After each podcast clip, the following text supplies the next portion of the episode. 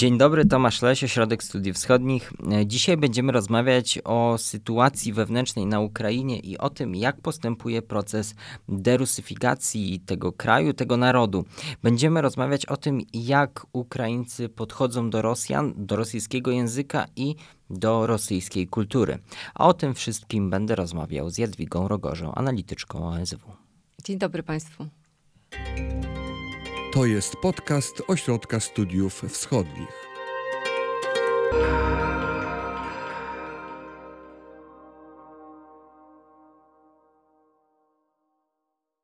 Zaczniemy od sondaży, gdyż była wielokrotnie powtarzana teza Władimira Putina y, o tym, że Ukraińcy i Rosjanie są jednym narodem. I jak się do tego odnosili i odnoszą dzisiaj Ukraińcy, bo tu jest duża zmiana. Zmiana jest rzeczywiście duża i wojna zmieniła wszystko, można by powiedzieć. Te, zwłaszcza tezy rosyjskiej propagandy, które płyną z ust Putina, ale też wiele innych, yy, wiele, wiele, innych tez, które Rosjanie, nawet przychylni Ukrainie wygłaszają, e, spotyka się z odrzuceniem. Ta teza, o której powiedziałeś, to jest taka płachta na byka dzisiaj, bo e, widać faktycznie ogromną różnicę w, właśnie w sondażach. E, że dzisiaj 91% Ukraińców, to jest taki kwietniowy sondaż e, całościowy, który pokazał kwestie świadomościowe i w, pokazał, że 91% Ukraińców absolutnie odrzuca taką tezę. Wcześniej to A było rok 55. wcześniej to było 55%, czyli to jest prawie, prawie dwukrotny wzrost. Mhm. E, I tam część z pozostałych 9% część nie ma zdania, czy jakoś tam się waha i bodaj dosłownie 2-3% tę tezę popiera, więc tutaj widzimy, że dążąc do narzucenia Ukrainie y, takiego y, rosyjskiego miru z wszelkimi konsekwencjami, no Putin wymusza wręcz odwrotny skutek. Mhm. I właśnie o tym odwrotnym skutku tak naprawdę jest wszystko to, o czym będziemy, będziemy tutaj mówić. I chciałam cię dopytać o te badania. Jak to się, jak to wygląda, jeśli chodzi o regiony Ukrainy? Jak to wygląda na wschodzie? Czy ten wskaźnik poparcia, albo inaczej, wskaźnik sprzeciwu wobec tego, tej idei jest, jest mniejszy? Jak on się kształtuje? To jest jeden z najciekawszych procesów na Ukrainie, bo ten proces takiej wrogości wobec Rosji jest dosyć oczywisty. My go wszyscy widzimy i e, gołym okiem. E, natomiast to, co jest naprawdę ciekawe w, tym proces, w ramach tego procesu, to jest to, że zasypują się podziały pomiędzy regionami. Bo też e, wiele lat mówiono, i to była jedna z takich mocnych tez rosyjskiej propagandy, która bazowała na jakichś tam realnych różnicach regionalnych, ale też bardzo mocno to podkręcała i wyciągała z tego daleko idące wnioski polityczne. Więc ta teza brzmiała, że Ukraina jest bardzo podzielona, że tak naprawdę są bardzo różne, y, kilka państw w państwie i że one się do siebie nie pasują prędzej czy później. No, Rosja dążyła do tak zwanej federalizacji, próbując pogłębić te podziały. A widzimy, że dzisiaj poprzez inwazję dokonuje się pewne scalenie. Powstaje naród polityczny, który e, wchłania kolejne jakby grupy społeczne. Nie wiem, jak to nazwać, bo e, można powiedzieć, że ten naród polityczny, on się stopniowo buduje. On się budował też, widać, że e, e, ta odrębność ukraińska, którą Ukraińcy zawsze mieli, nawet rosyjskojęzyczni, ona się stopniowo budowała, bo też po rozpadzie Związku Radzieckiego jakieś tam elementy tożsamości ukraińskiej były wzmacniane i jakieś dekomunizacyjne działania się odbywały, ale po 14 roku, zwłaszcza po aneksji Krymu i Rosja właśnie tam również nadała taki decydujący impuls do początku tego procesu, naród polityczny zaczął być budowany w opozycji do Rosji i do niego zaczęły być włączane mniejszości narodowe, tak jak wcześniej e, on może za, za prezydentury Juszczenki, on bardziej bazował na takiej etniczności ukraińskiej, na odwołaniu się do również formacji nacjonalistycznych, czyli był taki dosyć wyłączający. Natomiast po 14 roku e, przecież w walkach na Donbasie e, byli i Tatarzy krymscy, i Żydzi. Dzisiaj w tej kolejnej fali powstawania tego narodu politycznego on wchłonął na, na większą skalę, bo ja nie chcę mówić, że, ten, że ta grupa nie należała zupełnie do narodu politycznego, ale teraz można powiedzieć, że to jest taki, dokonał się proces całkowitego włączenia w niego rosyjskojęzycznych Ukraińców ze wschodu. Więc te różnice regionalne, one się bardzo zniwelowały i nawet do tej tezy, o której na początku powiedziałeś, że Rosja i Ukraina to jest jeden naród, Ukraińcy i Rosjanie to jest jeden naród, Bardzo duża część wschodnich mieszkańców odnosi się wrogo. Ponad 70% bo tutaj mogę przytoczyć, jak to, się, jak to regionalnie się roz, rozkłada. 70% mieszkańców wschodu absolutnie odrzuca taką tezę.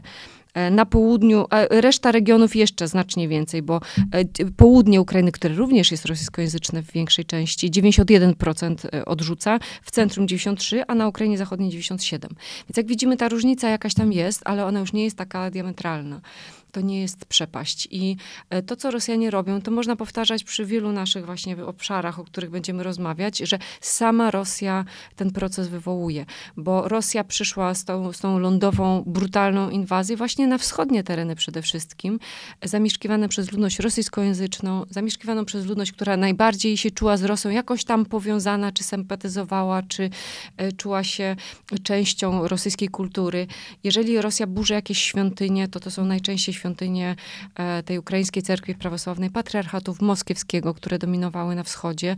Więc widzimy, że ona w te swoje własne, e, e, własnych sympatyków uderzała najmocniej, powodując no, przewrót w ich świadomości. Tutaj nawet widać też to, że rosyjską inwazję za ludobójstwo narodu ukraińskiego uznaje 86% ludzi mieszkających na wschodzie kraju. W innych w innych rejonach to jest 85 na południu, 91 w centrum i 92 na zachodzie, ale widać e, te procesy, o których mówisz, także pod kątem językowym. E, jak to się przedstawia dzisiaj? Jak rozumiem, ukraiński jest coraz częściej głównym, a nawet jedynym językiem na Ukrainie. Muszę na początku powiedzieć, że ten proces mimo wszystko jest stopniowy i jeżeli mówimy o realnym procesie upowszechniania się ukraińskiego, to on następuje w etapach i zajmuje jakby dłuższy czas. No jest, to, jest to perspektywa troszkę bardziej długoterminowa, bo można e, poczuć wrogość do Rosji w reakcji na to, co się, e, co, co rosyjskie e, wojsko e, wyczyniało na terenie Ukrainy, ale nie jest tak łatwo samą siłą woli, czy, czy na, na podstawie decyzji przestawić się w codziennej komunikacji na język, którego się wcześniej tak nie używało. Więc rzeczywiście, jeżeli chodzi o tą wolę, jeżeli chodzi o, e, o nastawienie do języka, to Ukraińcy bardzo, zwłaszcza wschodni, e, Ukraińcy ze środkowej Ukrainy, południowej Ukrainy, wyrażają gotowość przechodzenia na ukraiński. Natomiast no, w rzeczywistości to jest, e, tak jak mówię, nadal duża część Ukrainy jest rosyjskojęzyczna. Możemy to zobaczyć chociażby po uchodźcach z Ukrainy, no bo większość tych, którzy są w naszym kraju, czy, czy gdzieś w krajach ościennych, większość tych uchodźców pochodzi z regionów wschodnich. Dominuje język rosyjski mimo wszystko. E, więc no, tutaj widzimy, że ludzie mogą e, Rosji nienawidzić, e, mogą wyrażać do niej wrogość. Natomiast to nie, nie jest równoznaczne i myślę, że to przy wszystkich tych tezach, o których będziemy za chwilę mówić, o dywersyfikacji konieczności, czy, czy dążeniu do tego, czy takiej pełnej gotowości, determinacji strony Ukraińców, nie możemy postawić znaku równości pomiędzy posługiwaniem się językiem rosyjskim, a postawami prorosyjskimi czy kolaboranckimi. Większość rosyjskich rosyjskojęzycznych Ukraińców absolutnie demonstruje postawy proukraińskie, patriotyczne. Dzisiaj a, to jest fakt. I to też warto podkreślić, bo to, bo to w tych takich dążeniach e, bardzo świeżych, bardzo emocjonalnych e, do derusyfikacji, e, to, to może czasami umknąć, e, że e, wielu rosyjskojęzycznych Ukraińców, tak jak w Charkowie na przykład, e, nie jest w stanie po prostu z dnia na dzień się na, e, na język ukraiński w pełni przestawić, chociaż mają do tego wolę. I jak rozumiem, rząd za pomocą swoich instrumentów chce wspierać te zmiany? Y, te zmiany dokonują się stopniowo od czasów prezydentury Petra Poroszenki. Wówczas reforma językowa zakreśliła taki y, czasowy, y, czasowy harmonogram wdrażania języka państwowego w poszczególnych sferach, w oświacie, w handlu, w mediach, generalnie w sferze publicznej. To dotyczyło również polityki. I to i dało już swoje owoce, dlatego że w momencie już, jak doszedł do władzy Władimir Zeleński, osoba rosyjskojęzyczna, pochodząca z miasta na południowym wschodzie, która e, po rosyjsku pisała, e, po rosyjsku tworzyła, po rosyjsku mówiła. Z Rosją e, miała wiele wspólnych projektów też takich kulturalnych, filmowych, producenckich ten polityk od początku posługiwał się e, językiem ukraińskim w swojej sferze publicznej. Oczywiście na początku często przechodził na rosyjski, bo brakowało mu słów. E, zdarzało się to, ale coraz e, rzadziej i to widzimy dzisiaj, że, że to jest też kwestia zarówno ustawodawstwa, które wkłada polityka w pewne ramy, ale też pewnej woli i gotowości do, do posługiwania się tym językiem. I, I, tak samo y, y, właśnie oświata jest, y, jeżeli chodzi o te kolejne pokolenia Ukraińców. Oświata jest bardzo ważnym instrumentem formowania się ukraińskojęzycznej populacji, narodu. E, dlatego, że młodzież swobodnie się posługuje często oboma językami, a, a bardzo często przechodzi na ukraiński w kontaktach między sobą, a też czasami w rodzinie. A właśnie jak to wygląda w szkołach? Tam jest nauczane tylko język ukraiński, czy... Poza językami obcymi tak. Teraz już szkoła jest ukraińskojęzyczna. E, ta reforma się dokonała. Wyjątkiem są szkoły mniejszości narodowych, gdzie e, te, ten proces był rozłożony na trochę dłuższe etapy.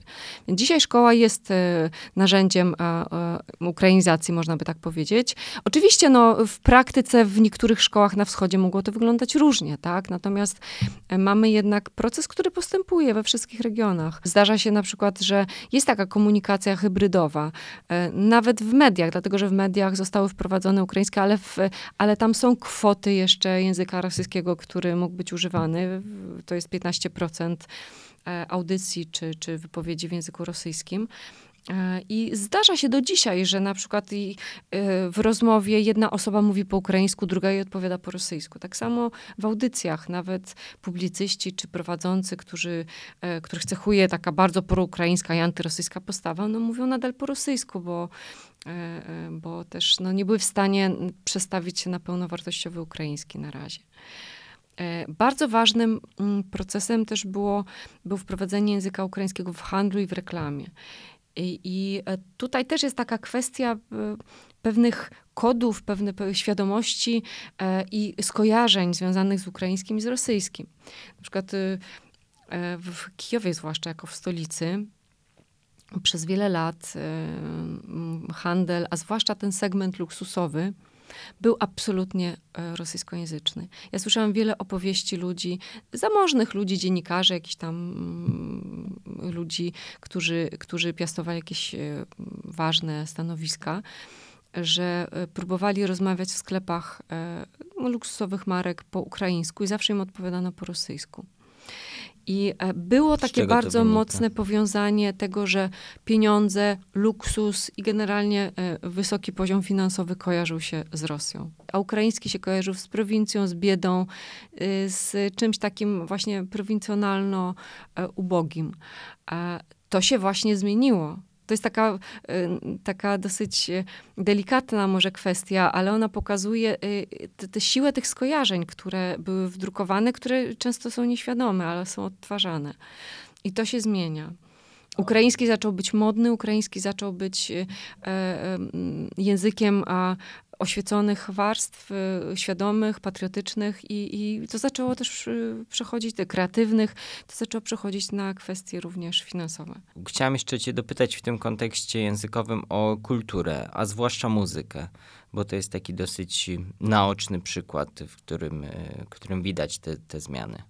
Tak, y, tutaj z jednej strony mamy e, ten szeroki proces odrzucania wszystkiego, co rosyjskie, e, co pochodziło z Rosji, a, a, a przez wiele lat, y, no trzeba podkreślić, że rosyjska kultura po prostu przenikała e, świadomość ukraińską w, no, w pełni. To zarówno klasyczna kultura, jak i współczesna. I na przykład to, co e, do, dla starszych pokoleń płynęło z rosyjskiej telewizji, e, czyli te wszystkie koncerty rosyjskie, takie no, powiedzmy estradowe, jakieś takie popowe, wszystkie te gwiazdy jakoś formatowały świadomość ukraińską starszych pokoleń, to y, młodsze pokolenia były pod mocnym wpływem ruskiego rapu na przykład, który w internecie sobie oglądały. Trudno bardzo twarde tezy y, formować, ponieważ y, no nie mamy badań na temat ukraińskiej młodzieży, ale widać, że jednak ten proces też następuje, że raczej jest zwrot ku ukraińskim gwiazdom, rockowym, czy, czy rapowym, czy innym, bo okazuje się, że dzisiaj ukraińskie zespoły, które właśnie odwołują się do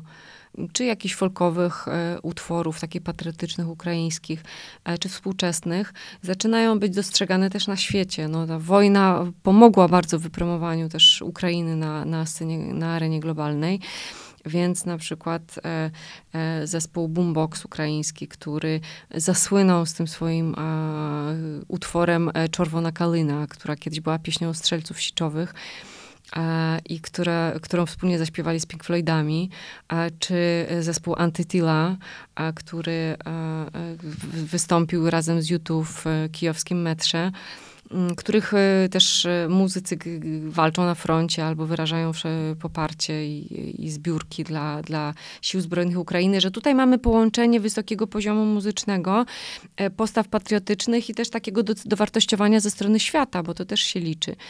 I to nam też pokazuje, że Ukraina jakby wychodzi z tego cienia Rosji, w którym była przez no, nawet nie dekadę, tylko stulecia. Że Ukraina po raz pierwszy chyba na świecie jest dostrzegana jako państwo e, takie s, odrębne od Rosji przede wszystkim.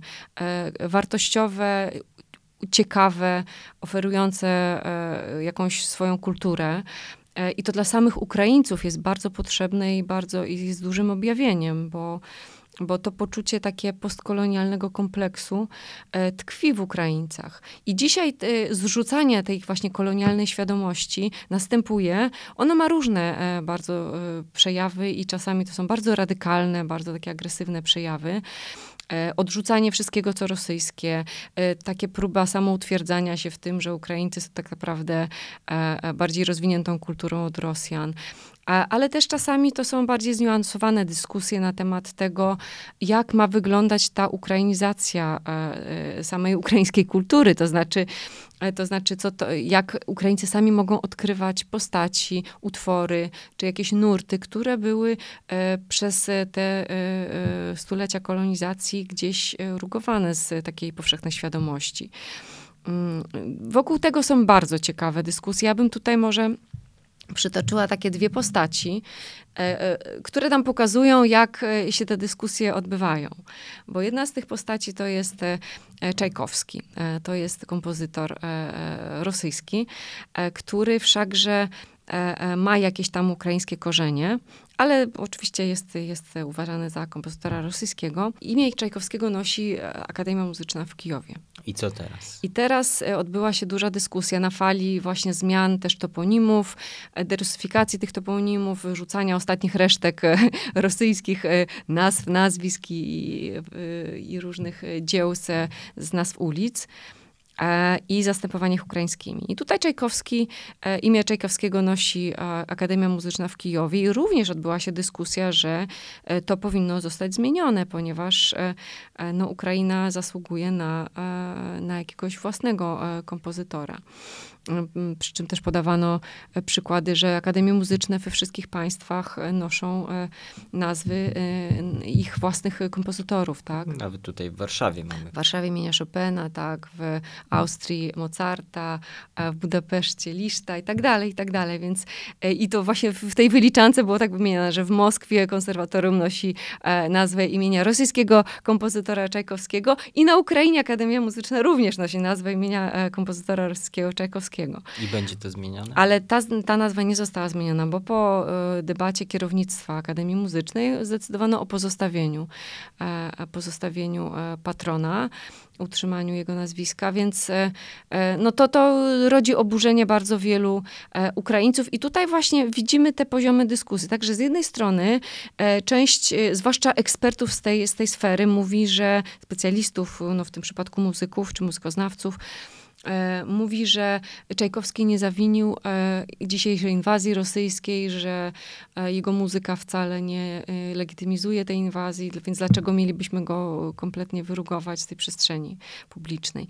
No a druga część tych dyskutantów mówi o tym, że Ukraina zasługuje na nazwiska ukraińskich kompozytorów, właśnie firmujących czy firmujących ukraińską scenę muzyczną szeroko pojętą Jak rozumiem, nie chodzi tu po prostu o to, żeby robić coś na kontrze, chociaż może to tak wyglądać, ale o, nie tyle o usunięcie Czajkowskiego, co w pokazanie jakiegoś ukraińskiego kompozytora. Dokładnie tak, że y, Narodowa Akademia Muzyczna może, powinna, ma nosić nazwisko jednak e, kogoś e, z Ukrainy i tutaj się bardzo wiele e, kandydatów było proponowanych, jeżeli chodzi o o taką potencjalną, potencjalne patronat nad Akademią Muzyczną. I to Symeon Pekalicki, i Herman Lewicki, e, i Iwan Domaracki, więc no, dużo było propozycji, które które e, mogły zastąpić. Ale e, tak się nie stało.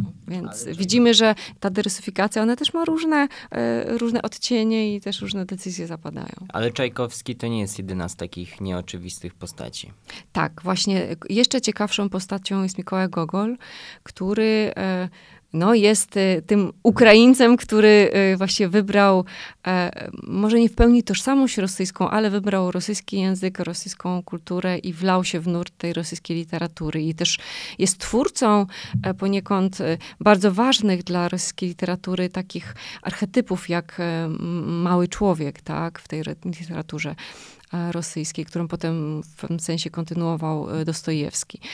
I, i tenże Gogol, który urodził się na Połtawszczyźnie i wywodził się z takiej e, rodziny o, o, o rodowodzie kozackim, e, Zresztą notabene e, jego pełne nazwisko brzmiało Gogol Janowski. No tutaj nie ma polskich korzeni raczej, tylko raczej to jest od nazwisko od miejscowości, ale Gogol wybrał w pewnym momencie życia jednak wyjazd do Petersburga i ze wszelkimi konsekwencjami. E, e, zrezygnował z tego drugiego członu nazwiska, a pisał po rosyjsku i e, porzucił swoje pierwotne takie fascynacje, marzenia, dlatego że pierwotnie planował napisanie historii Ukrainy, właściwie takiej historii, a, takiej trochę w duchu Iliady, jak to mówią niektórzy językoznawcy. Chodził z tym pomysłem wiele lat i to mu się ostatecznie nie udało. E, więc e, e, przeprowadził się do Petersburga, w którym no, nigdy też nie czuł się dobrze, trochę się czuł obcy i tworzył w duchu takiej literatury rosyjskiej. Właśnie dlatego mówię o tym, o tym takim postaci małego człowieka, która no, nie pasuje zupełnie do tych takich archetypów ukraińskich, kozackich, wolnościowych, anarchicznych, bazujących na kulcie siły, takich jak w Tarasie Bulbie, tej słynnej jego epopei, tylko e, też e, no, to, co, to, co stworzył, e, było po części też, stało się takim odzwierciedleniem tej rosyjskiej mentalności, gdzie ten mały człowiek jest właśnie niczym wobec władzy, wobec państwa. Jak już mówimy o Tarasie Bulbie, no to też to jest bardzo ciekawa powieść i jak się okazuje, tutaj e, językoznawcy przypomnieli, że ta e, powieść miała dwie redakcje, że ta pierwsza redakcja powieści była znacznie bardziej, no można by dzisiaj powiedzieć, proukraińska, czyli bardziej przychylna kozactwu, temu wolnemu duchowi, który, e, który rządzi w, w tej, w tej sferze. I z kolei w drugiej redakcji, którą znamy dzisiaj, E, zostało to e, znacznie bardziej tak pokazane w takim krzywym zwierciadle, e, też z takim poczuciem schyłkowości, że to jest, że to jest taka, taki odchodzące trochę w przeszłość już duch, sfera i... Gogol by się zdziwił. E, Gogol by się, myślę, zdziwił, tak, że, bo Gogol myślę, żeby też e, napisał dzisiaj e, właśnie tą swoją wymarzoną historię Ukrainy w takim duchu, że zdziwiliby się z kolei Rosjanie. Ale niezmiennie, niezależnie od tego, jakie jest więc podejście do, do niego, czy on będzie usuwany z tej przestrzeni publicznej, czy jednak, czy jednak nie?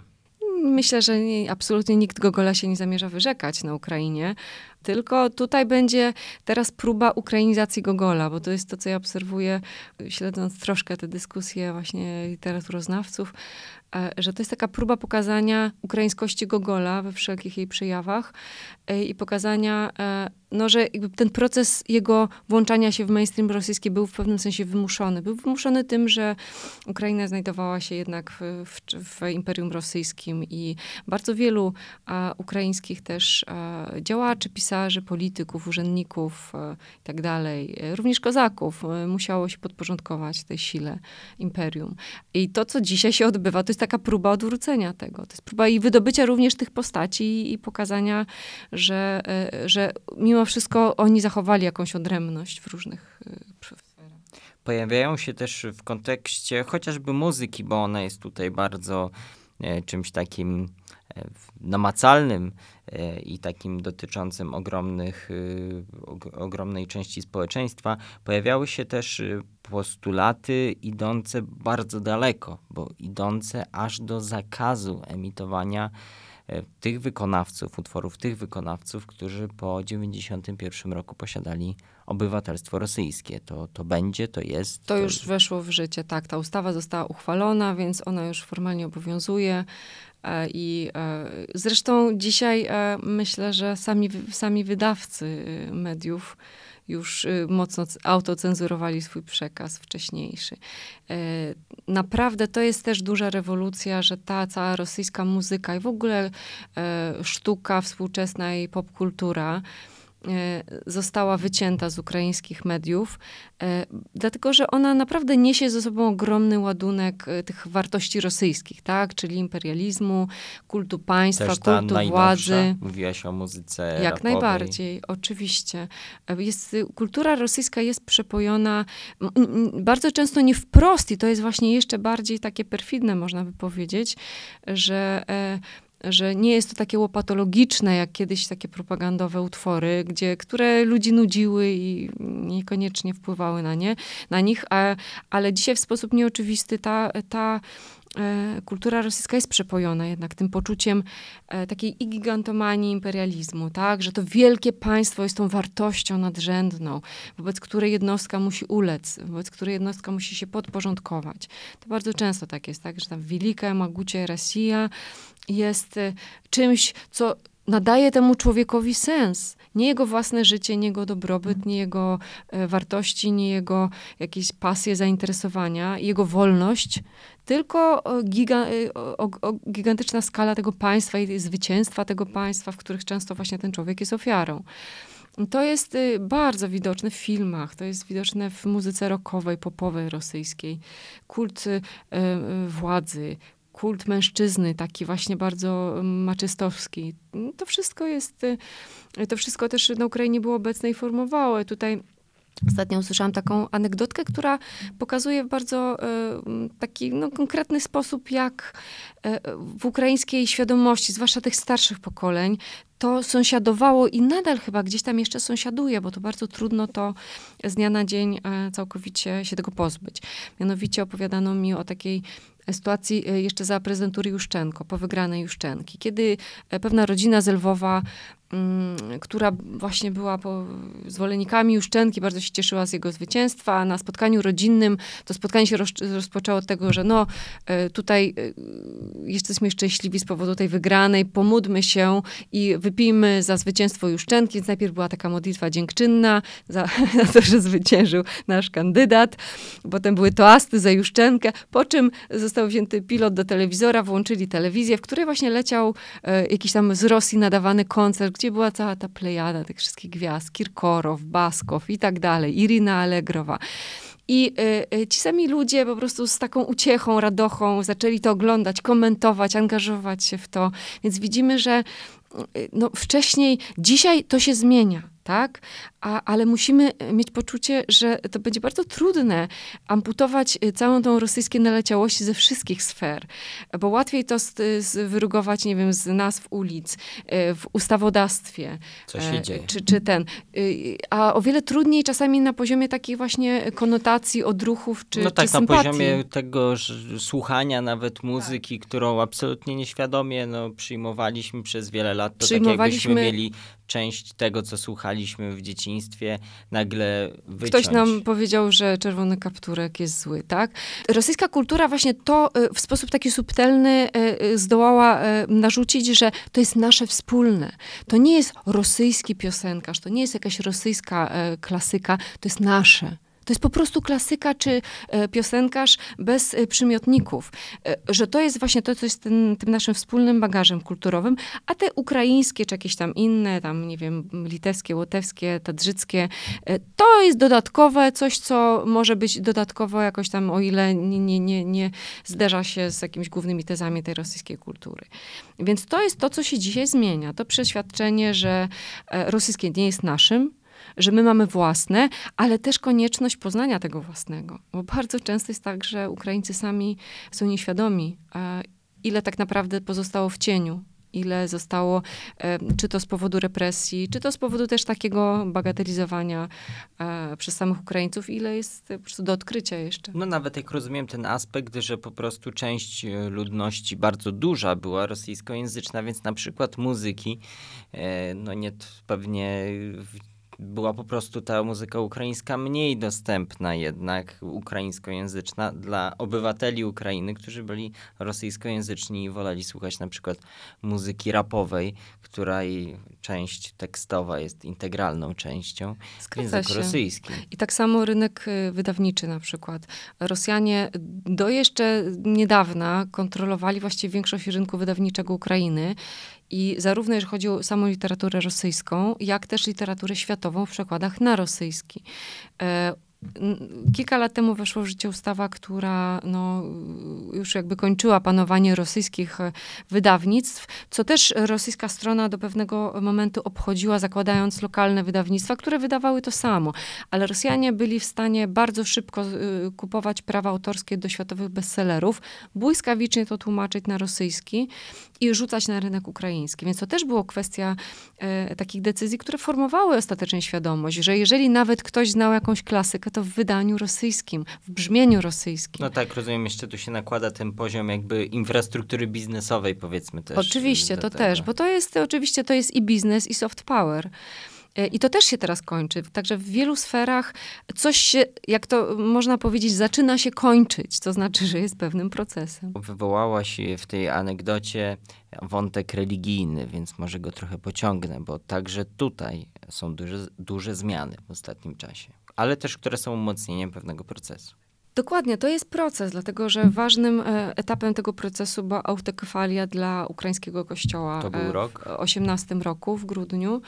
I wówczas powstał e, Kościół Prawosławny Ukrainy, który był, powstał na bazie złączenia dwóch kościołów, Patriarchatu Kijewskiego i Autokafalicznego Kościoła Ukrainy. Więc, więc to był też taki krok, który Rosja odebrała jako krok wrogi, polityczny, E, jako próba rozbijania światowego prawosławia, schizmy i tak dalej. Więc jeszcze w tamtym 18 roku mieliśmy serię takich, takich wojenek na froncie religijnym. Natomiast dzisiaj obserwujemy kolejny etap tego procesu, właśnie takiej dekolonizacji religijnej, e, bo e, na Ukrainie istniejący ukraiński kościół prawosławny patriarchatu moskiewskiego, czyli podlegający pod rosyjską cerkiew prawosławną, E, sam zaczyna się próbować e, zrywać e, swoje więzi z Moskwą. Tak jak tu mówiłam na początku, to właśnie ten kościół, po pierwsze sam stał się stosunkowo największą ofiarą działań bojowych, bo to jego cerkwie były rujnowane, to jego wierni byli prześladowani. Mamy diametralną zmianę nastrojów wiernych, i, I, mamy też takie ogólne poczucie na Ukrainie, że te związki z Moskwą są toksyczne. Dlatego też Kościół e, Patriarchatu Moskiewskiego po części myślę, że jest jednak z jakiejś tam zmiany przekonań, a po części koniunkturalnie, próbując e, ratować to, co pozostało z jego wpływów, próbuje te związki zrywać i jakiś czas temu ogłosił właśnie zerwanie więzi tych administracyjnych z Moskwą. Przy czym w świetle prawa kanonicznego to jest taki krok e, właściwie, który rodzi nie wiadomo jakie konsekwencje. Teraz wszyscy podkreślają, że to ten ten kościół zawisł w próżni, on musi wykonać jakiś kolejny krok. Albo się zwrócić do patriarchatu w Konstantynopolu, tego powszechnego. Albo do autokefalii. A, albo ogłosić auto, tak, po autokefalię, e, bo w tym momencie ten kościół musi się zwrócić e, po autokefalię do patriarchatu w Konstantynopolu, albo jeszcze wykonać jakieś inne kroki prawne, bo ja też nie, nie chcę tutaj przesądzać, bo to są bardzo skomplikowane kwestie prawne, ale ta decyzja no, w tym momencie plasuje go w pewnej próżni, ale ona jest odpowiedzią na zmianę nastrojów i na jednak próbę oderwania się od, od tego, co dzisiaj na Ukrainie jest toksyczne. Chciałam zapytać Cię jeszcze o stosunek do ZSRR na konkretnym przykładzie. 9 maja, e, Dzień Zwycięstwa, on także był mniej lub bardziej, ale w przyszłości był dosyć huczno, hucznie obchodzony na Ukrainie. Jaki jest dzisiaj stosunek Ukraińców, zwłaszcza tych starszych, bo tych młodych to możemy, myślę sobie tutaj już, e, już uznać to za pewną oczywistość, ale tych starszych Ukraińców, jaki jest ich stosunek do Dnia Zwycięstwa? E, tak, to jest jeden z tych sakralnych mitów e, Związku Radzieckiego, który upadł, czy, czy już prawie upadł, e, dlatego że i to też jest proces, bo już od kilku lat Ukraina obchodzi zarówno 8 maja, czyli ten Europejski Dzień Pamięci Pojednania, honorowania ofiar, jak też jeszcze obchodziła zwycięstwo nad nazizmem 9 maja.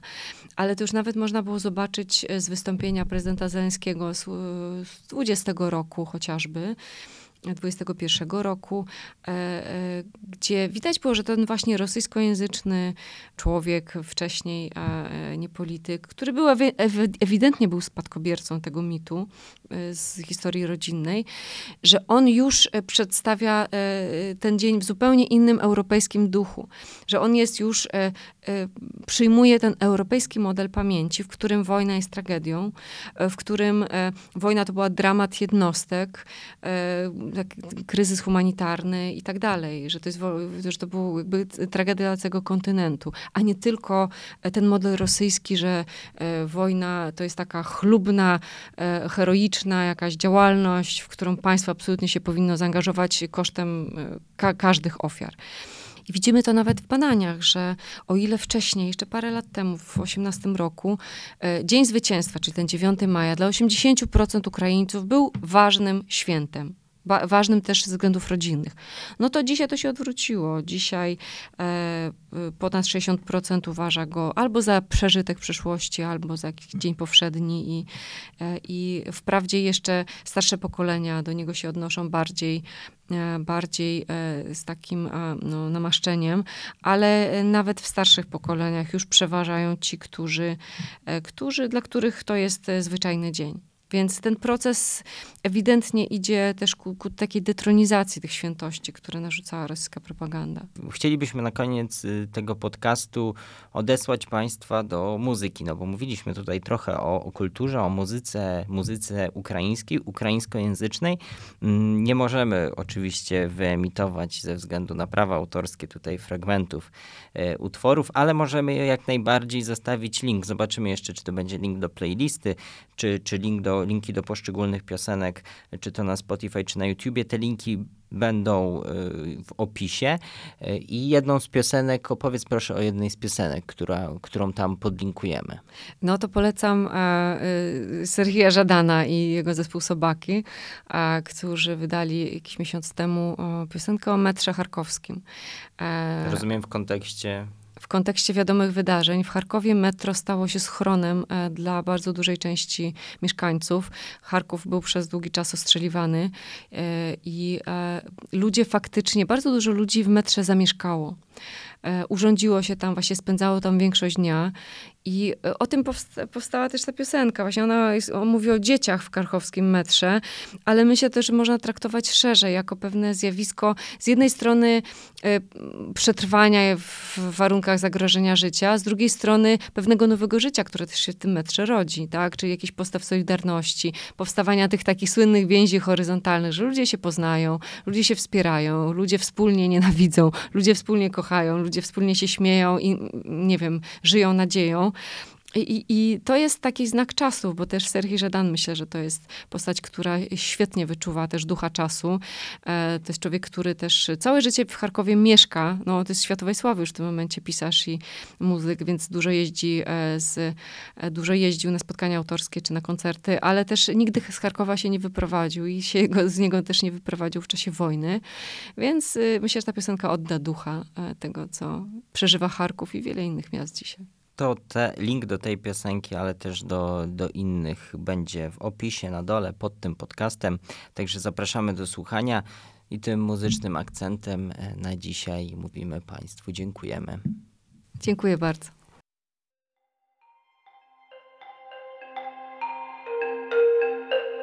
Wysłuchali Państwo podcastu Ośrodka Studiów Wschodnich. Więcej nagrań można znaleźć na stronie www.osw.waw.pl.